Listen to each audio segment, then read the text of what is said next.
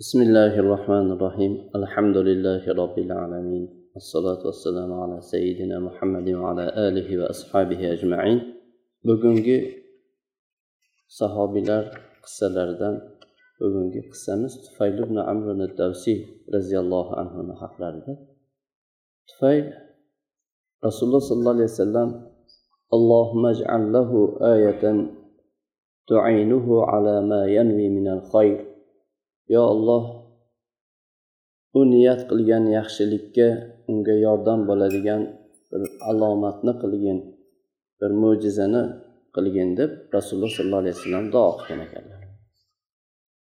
Tufayl ibn amr davsiy ya'ni davs qabilasidan bu kishi o'zlarini shu davs qabilasini boshliqlaridan edilar johiliyatda va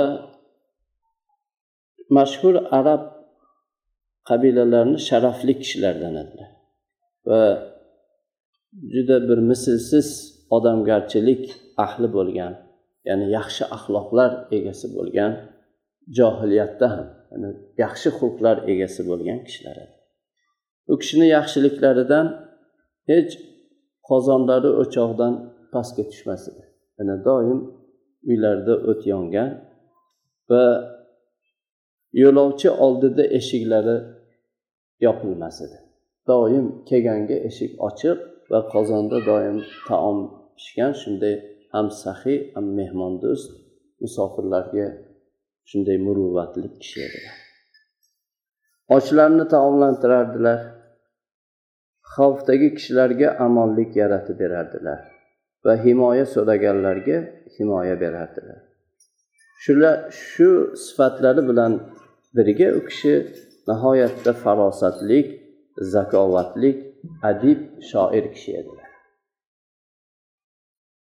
Juda hushyor hislari ya'ni hissiyotlari juda nozik nozik hislik o'tkir zehnlik so'zni yaxshi yomonni shirin achchig'ini yaxshi ajratadigan yaxshi biladigan kishi edilar. So'z bu tufayl ibn amirda xuddi sehrga o'xshash bir ish tutaradi. U u kishidan bu so'z chiqqanda sehr ta'sir qilgandek so'zlari ta'sirli edi. Tufayl roziyallohu anhu o'zlarini bu tehoma degan mintaqadagi qavmlarini joylarini tark qilib makkaga qarab jo'nab ketdilar. Bu vaqtda rasululloh sollallohu alayhi vasallam bilan quraysh kofirlari o'rtasida olishuv kurash e, tegirmoni toshi doim aylanib turardi. Ya'ni o'rtada doim janjal kurash yana ozor bor edi. Har bir taraf o'ziga ansorlar kasb etishlikni xohlardi. Har bir taraf o'zini jamoasiga yordamchilar jalb qilishni xohlardi. Rasululloh sollallohu alayhi vasallam alloh subhanava taologa da'vat qilardilar. U kishining quroli iymon va haq edi. Quraysh kofirlari rasul sollallohu alayhi vasallamni da'vatlariga har bir o'sha vaqtdagi qurollar bilan ular qarshi kurashardilar. Qo'llarida hamma imkoniyat bor shunday qarshi kurashardilar. Shunda tufayl hech bir tayyorgarliksiz o'ylamasdan xayollariga kelmasdan shu jang girdobiga o'zlari kirib qolganliklarini topdi. Ya'ni u kishi hech istamagan holatda shunga qo'shilib qoldilar. Shu makkaga kelgan edi. O'zi makkaga kelarkan bu maqsadda kelgan emas edilar. Ya'ni bir bunday odam chiqibdi quraysh mushriklari bilan u kishini o'rtasida shunday janjallar bor ekan. Bir bila uni undan hech xabarlari yo'q edi. Shunday keldilar. Muhammad sallallohu alayhi vasallamni ishlaridan yoki quraysh kofirlari e, ishi xayoliga ham kelmagan. Shuning uchun tufayli ibn amrini davsiy bu kurash bilan bu xarxashaga bu janjalga qo'shilib qolishlarini ajoyib bir unutilmas hikoyasi qissasi bor. Biz u kishini qissasiga quloq solaylik. Bu juda qiziq qissa. Tufayl roziyallohu anhu o'zi gapirib berib aytadiki shu safarda makkaga keldim. Qurayshlar meni uzoqdan ko'rishlari bilan hammalari menga qarab menga peshvoz chiqib keldilar kutib oldilar. Menga ko'p olqishlar aytdilar juda katta ehtiromlar bilan xush keldingiz deb kutib oldilar. Va meni yaxshi bir hurmat ko'rsatib meni ehtirom bilan mehmon qildilar. Keyin qurayshning kattalari sayyidlari menga jamlanib to'planib aytdilarki ey tufayl siz bizni shaharimizga keldingiz. Bu yerda bu odam deb ya'ni rasululloh sollallohu alayhi vasallamni ishora qilib aytyaptilar. Bu odam o'zini payg'ambar deb davo qilib bizni ishlarimizni ko'p buzib tashladi. Ishni buzdi bu. Va bizni jamoalarimizni tarqatib to'dalarimizni parchalab yubordi. Biz biz bizga tushgan bunday mashaqqat sizni sizni yetakchiligingizga tushishidan biz qo'rqamiz deyishdi. Ya'ni ular ularni hasadi ularni ishini buzilishi ya'ni rasululloh sollallohu alayhi vasallam bu haqqa da'vat qilishlari bilan qo'lidagi yetakchiligi sharafi obro'si hurmati ketib qolishidan ular ko'p shundan musibat ko'rishadi ularni shu qavmini ichidagi sharaf. Shunga bunday mashaqqat bu musibat senga va seni xalqingga seni yetakchiligingga bunday musibat yetishidan qo'rqamiz. U odam bilan gaplashma deyishdi ya'ni rasululloh sollallohu alayhi vasallam bilan gaplashishlikdan ular qattiq qo'rqitishdi. Undan hech narsa eshitma quloq solma. Uni sehrga o'xshagan bir so'zi bor. Gapirsa odamni shunday ta'sir qiladigan kishi bilan otani o'rtasini ajratadigan aka ukalarni o'rtasini ajratadigan er xotinni o'rtasini ajratadigan sehrlik bir so'zi bor uni sehrga o'xshagan so'zi bor deyishdi. Yana shunday qo'rqitishdi. Tufayl roziyallohu anhu aytadilarki menga u kishini ajoyib xabarlarni shunday qissa qilib keltirishdi. Meni o'zimga qavmimga bu sharafimga obro'yimga uni u odamni ajoyib bir ishlaridan shunday qattiq qo'rqitishda davom etishdi. Hatto men u odamga yaqinlashmaslikka qasd qildim qaror qildim. U bilan gaplashmaslikka undan hech narsa eshitmaslikka qasd qildim. Keyin ertalab bo'luvdi kabani tavof qilishga va biz o'zimiz oldin shu haj qilib ulug'lab kelgan butlarini ulug'lab tabarruk qilishlikka kabaga boruvdim. Meni qulog'imga bu muhammad sallallohu alayhi vasallamni so'zidan biror narsa qulog'imga yetib qolishidan qo'rqib qulog'imga paxta tiqib olib bordim shunaqa qo'rqitishibdi. Paxta tiqib olib bordim. Lekin men masjidga boruvdim u kishini shu kaba oldida tik turib namoz o'qiyotganini ko'rdim. Bizni namozimizdan boshqacha namoz o'qiyapti. Bizni ibodatimizdan boshqacha bir ibodat bilan qilyapti. Ibodat qilyapti. U kishini ko'rinishi bu ishlari meni o'ziga maftun qildi. O'ziga tortdi. U kishini ibodati meni shu beqaror qilib qo'ydi. O'zim ixtiyorsiz sekin sekin u kishiga yaqinlashib qolganimni ham sezmay qoldim. O'zim sezmasdan u kishiga yaqinlashib qoldim.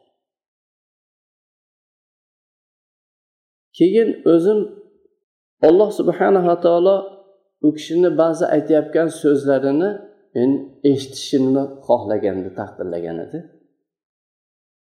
Juda ajoyib yaxshi bir gapni eshitdim keyin o'zimga aytdimki o'lgur tufay sen bir shoir odamsan aqlli odamsan.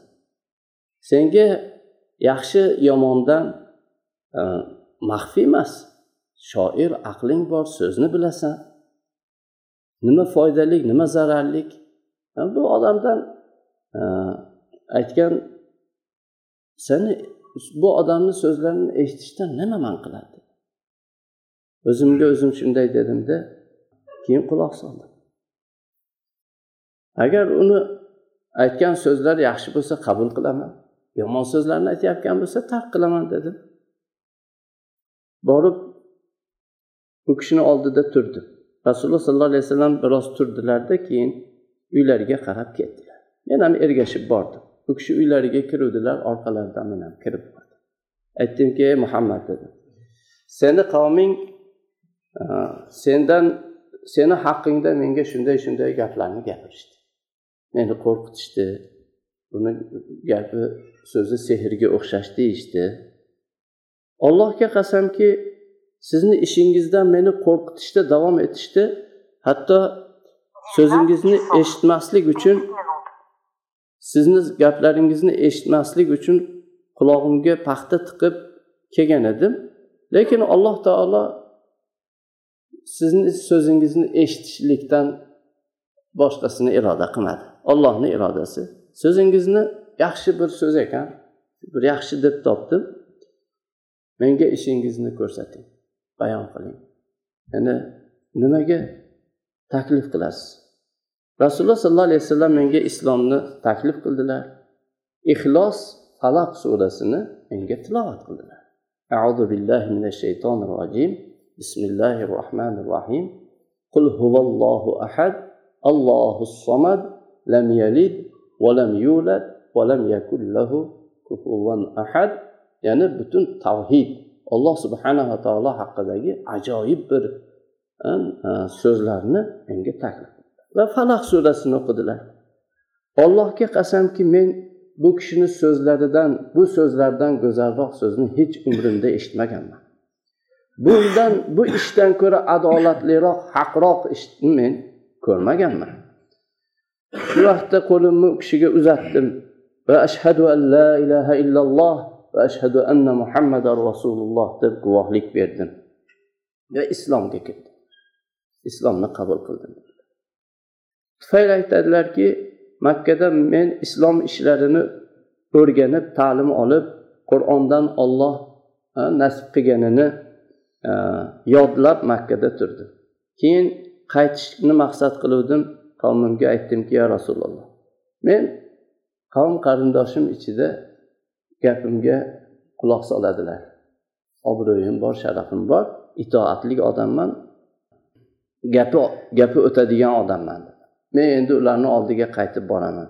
Ularni islomga chaqiraman da'vat qilaman. Alloh taologa duo qiling. Ularni shu da'vat qilayotganimda menga yordam bo'ladigan bir alomatni olloh menga bersin. Bir yordam bo'lsin. Rasululloh sollallohu alayhi vasallam allohumma shu yaxshi maqsadida bu da'vatida unga bir oyatni alomatni qilgin dedilar. Keyin men qavmimga qarab chiqib makkadan ketdim. Bir baland ularni shu joylariga yaqinlashganimda baland joyga chiqqanimda meni yuzimga shu ikkita ko'zimni o'rtasiga bir nur keldi deydilar. Shunday chiroqqa o'xshagan bir nur keldi shunda aytdimki yo olloh bu nurni yuzimdan boshqa joyda qilgin. Ular men ularni dinim dinlarini tark qilganim uchun yuzimga tushgan bir menga jazo deb gumon qiladilar dedi. Shunda bu nur qamchimni dastasiga kelib joylashdi. Shunday qamchini dastasidan shunday nur chiqib turadi. Odamlar uzoqdan bu nurni ko'rardilar nurga qarardilar. Xuddi osib qo'yilgan qandilga o'xshab qamchimni dastasida shunday bir chiroq chiroqqa o'xshagan nur bor edi. Keyin men ularni oldilariga bordim. Borganimda otam meni oldimga dadam keldilar. U kishi yoshi katta qari kishi edilar. Aytdimki mendan uzoq turing dedim siz endi boshqa men boshqa odamman nimaga ey o'g'lim dedi. Men aytdimki men islomga kirdim. Muhammad sollallohu alayhi vasallamni dinlariga ergashdim dedi. Kishi seni shu dining meni dinim bo'lsin o'g'lim dedi. Unda boring borib yuvinib kiyimlaringizni pokiza qilib keling dedim dadam ketdilar borib yuvinib kiyimlarini toza qilib kelgan edilar. U kishiga islomni o'rgatdi. U kishi dadam islomni qabul qildilar. Keyin ayolim keldi. Ayolim keluvdi mendan uzoqdir oramiz ochiq endi dedi. Sen mendanmassan men sendan san boshqa odamsan man boshqa odamman dedi. Nimaga ota onam senga fido bo'lsin nimaga bunday deysan? Dedi ha men islomni qabul qildim. Men muhammad sallallohu alayhi vasallamni dillariga ergashdim. Rasululloh sollallohu alayhi vasallamga tobe bo'ldim. Ayolim aytdiki shu seni dining meni dinim bo'lsin dedi. Unda bor borib zishshado degan bir chekkada buti bor ekan. Shu tog' yaqin joyda. Shu daraxtlar orasida u yerda shu tog'dan suv tushib turar ekan. Xilvat hech kim bormaydigan joy. Zishsharoga borganda yuvinib toza bo'lib kel dedim ayolimga. Ayol aytdiki ota onam sizga fido bo'lsin. Shu dinni qabul qilsam bu zishsharo bir musibat yetkazadi deb qo'rqyapsizmi? deb aytdim. Ya'ni hali dinni u ayoli qabul qilmadi. Men bu yerga borib bunday nima qilib kelmasam tabarruk demasam zarar yetkazadimi? Bundan qo'rqyapsizmi? deb so'radi. E zisharongga ham o'zingga ham o'lib ket qurib ketgunlar dedi. Bor borib yuvinib kel odamlardan uzoq xilvatda deb aytyapman dedilar u tosh kar bu tosh hech narsa qilolmaydi men bunga sanga kafil bo'laman javob beraman dedi. Ayolim ketdi yuvindi keyin qaytib keldi. Unga islomni o'rgatdim islomni qabul qildi. Keyin davs qabilasini qavmimni islomga da'vat qildi ular suskashlik qildilar. Lekin abu hurayra u islomga odamlarni tez kirgani bo'ldi. Yana abu hurayra roziyallohu anhu ham davs qabilasida tufayli aytadilarki keyin rasululloh sollallohu alayhi vasallamga yana keldim abu hurayra men bilan birga edilar. Rasululloh sollallohu alayhi vasallam ey tufayl uyoqlarda nima xabar nima yangiliklar bor? deb so'radilar. Aytdimki qalblar hammasi qulf to'silgan qotgan kufr bir qattiq kufr bor ya rasululloh. Ular qabul qilishmayapti. Davsga fosiqlik isyon g'olib bo'lgan hammasi fosiq bo'lib ketgan dinni qabul qilmayapti dedi. Shunda rasululloh sollallohu alayhi vasallam turib tahorat qildilar namoz o'qidilar osmonga qo'llarini shunday ko'tardilar. Shunda abu hurayra roziyallohu anhu e, u kishi aytadilarki rasululloh sollallohu alayhi vasallamni bunday qilganlarini ko'rganimda qavmimga duoibat qilib ular endi halok bo'lib ketadi deb qo'rqdimda yig'lab va qavma ey qavmima deb yig'ladim dedilar. Lekin rasululloh sollallohu alayhi vasallam allohumma hdi davsan allohumma hdi davsan allohumma davsan yo olloh davs qabilasini davsni hidoyat qil yo olloh davsni hidoyat qil deb duo qilardilar. Keyin tufaylga qarab aytdilarki qavmingizga qaytib boring ularga yumshoq bo'ling va ularni islomga da'vat qiling dedilar. Tufayl roziyallohu anhu aytadilarki davsga kelib ularni islomga da'vat qila boshladim. Hatto rasululloh sollallohu alayhi vasallam madinaga hijrat qildilar. Badr jangi o'tdi uhud jangi o'tdi handaq janglari o'tdi. Keyin men rasululloh sollallohu alayhi vasallamga keldim. Men bilan birga davs qabilasidan yetmish sakson xonadon musulmon bo'lib hammalamiz hijrat qilib bordik deydilar madinaga islom shahriga islom davlatiga rasululloh sollallohu alayhi vasallam haybar haybar jangi tamom bo'lib shu musulmonlarni g'alabasi bilan tugab uni g'animatlarni yig'ib taqsimlash vaqti edi. Shu paytda bu tufayl roziyallohu anhu bu qavmlari bilan keldilar. Aytadilarki bizga rasululloh sollallohu alayhi vasallam musulmonlar bilan birga bu haybar g'animatlaridan bizga ham ulush nasiba berdilar. Biz aytdikki ya rasululloh bizni har bir siz jangga kirgan g'azotlarda bizni o'ng qo'lingiz qiling. Ya'ni sizga yaqin eng muhim jangdagi qattiq ishni bajaradigan o'ng qo'lingiz qiling va shiorimizni shu vafo qasamini ga vafo qilishlik degan so'z bizni vafo bo'lsin shiorimiz dedilar. Tufayli aytadilarki rasululloh sollallohu alayhi vasallam bilan birga davom etdim. Alloh taolo makkani fath qildi. Aytdimki ya rasululloh meni o'sha tehomadagi zilkaffayn butiga yuboring. Amr ibn ham hamama degan qavmni shu davsdan bir qavmni katta buti bor ekan. Shu butga zilkaffayn unga yuboring men uni yoqib yuborib kelaman dedilar. Nabiy sallallohu alayhi vasallam ruxsat berdilar mayli bor dedilar. Fath makkadan keyin atrofdagi ko'p kabadan butlarni hammasini sindirib tashqariga chiqarib tashlagandan keyin rasululloh sollallohu alayhi vasallam kichik kichik qo'shinlarni shu atrofdagi butlarni yo'qotishga yubordilar. Shunda tufayli ibn amr davsiy roziyallohu anhu shu davs qabilasidagi bu katta butni yoqib yuborishlikka rasululloh sollallohu alayhi vasallamdan ruxsat so'radilar. Rasululloh sollallohu alayhi vasallam ruxsat berdilar.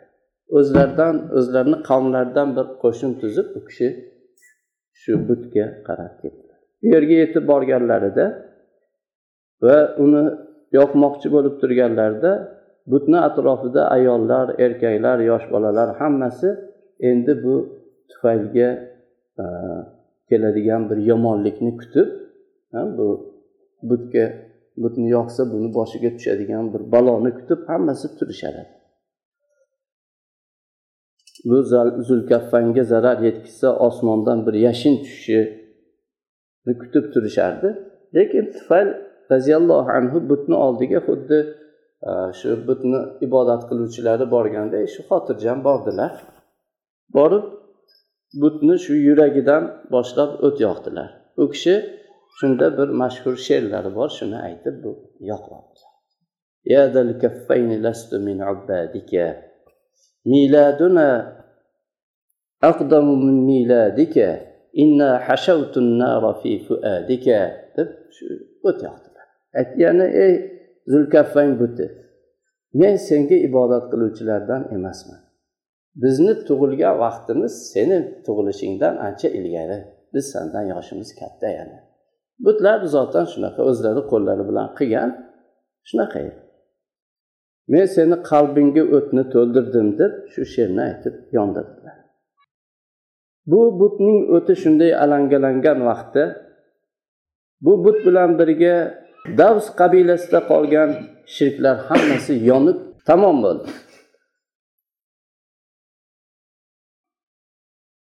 Qavm hammasi islomni qabul qildi. Undan keyin ularni islomlari nihoyatda chiroyli bo'ldi. Ya'ni bu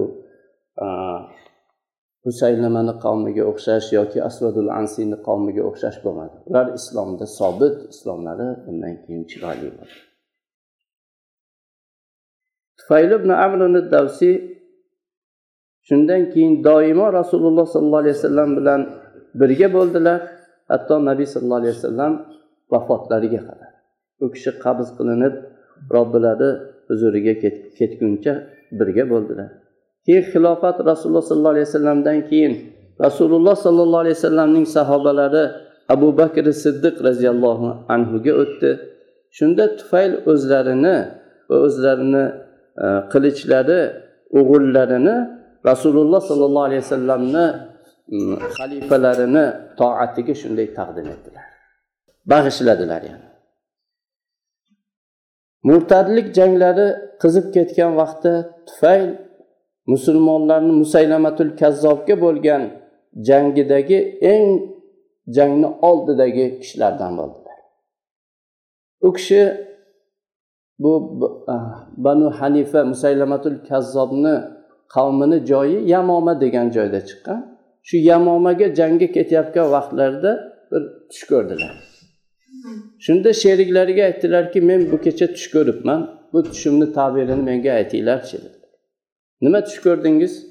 Men tushimda shu sochim tozalab qirib olinibdi. Keyin og'zimdan bir qush chiqib ketdi dedilar. Va bir ayol meni o'zini qorniga soldi. Qorniga joyladi meni dedilar. Bu qanaqa tush? O'g'lim amir o'g'illarini oti amr ibn tufayl edi. O'g'lim amir meni shu qidirib orqamdan keluvdi lekin u bilan meni o'rtamiz to'sildi. U qolib ketdi kirmadi shunda sahobiylar yaxshi tushdi eshitdi yaxshilik. Aytdilarki ammo allohga qasamki men bu tushni tavil qildim dedilar.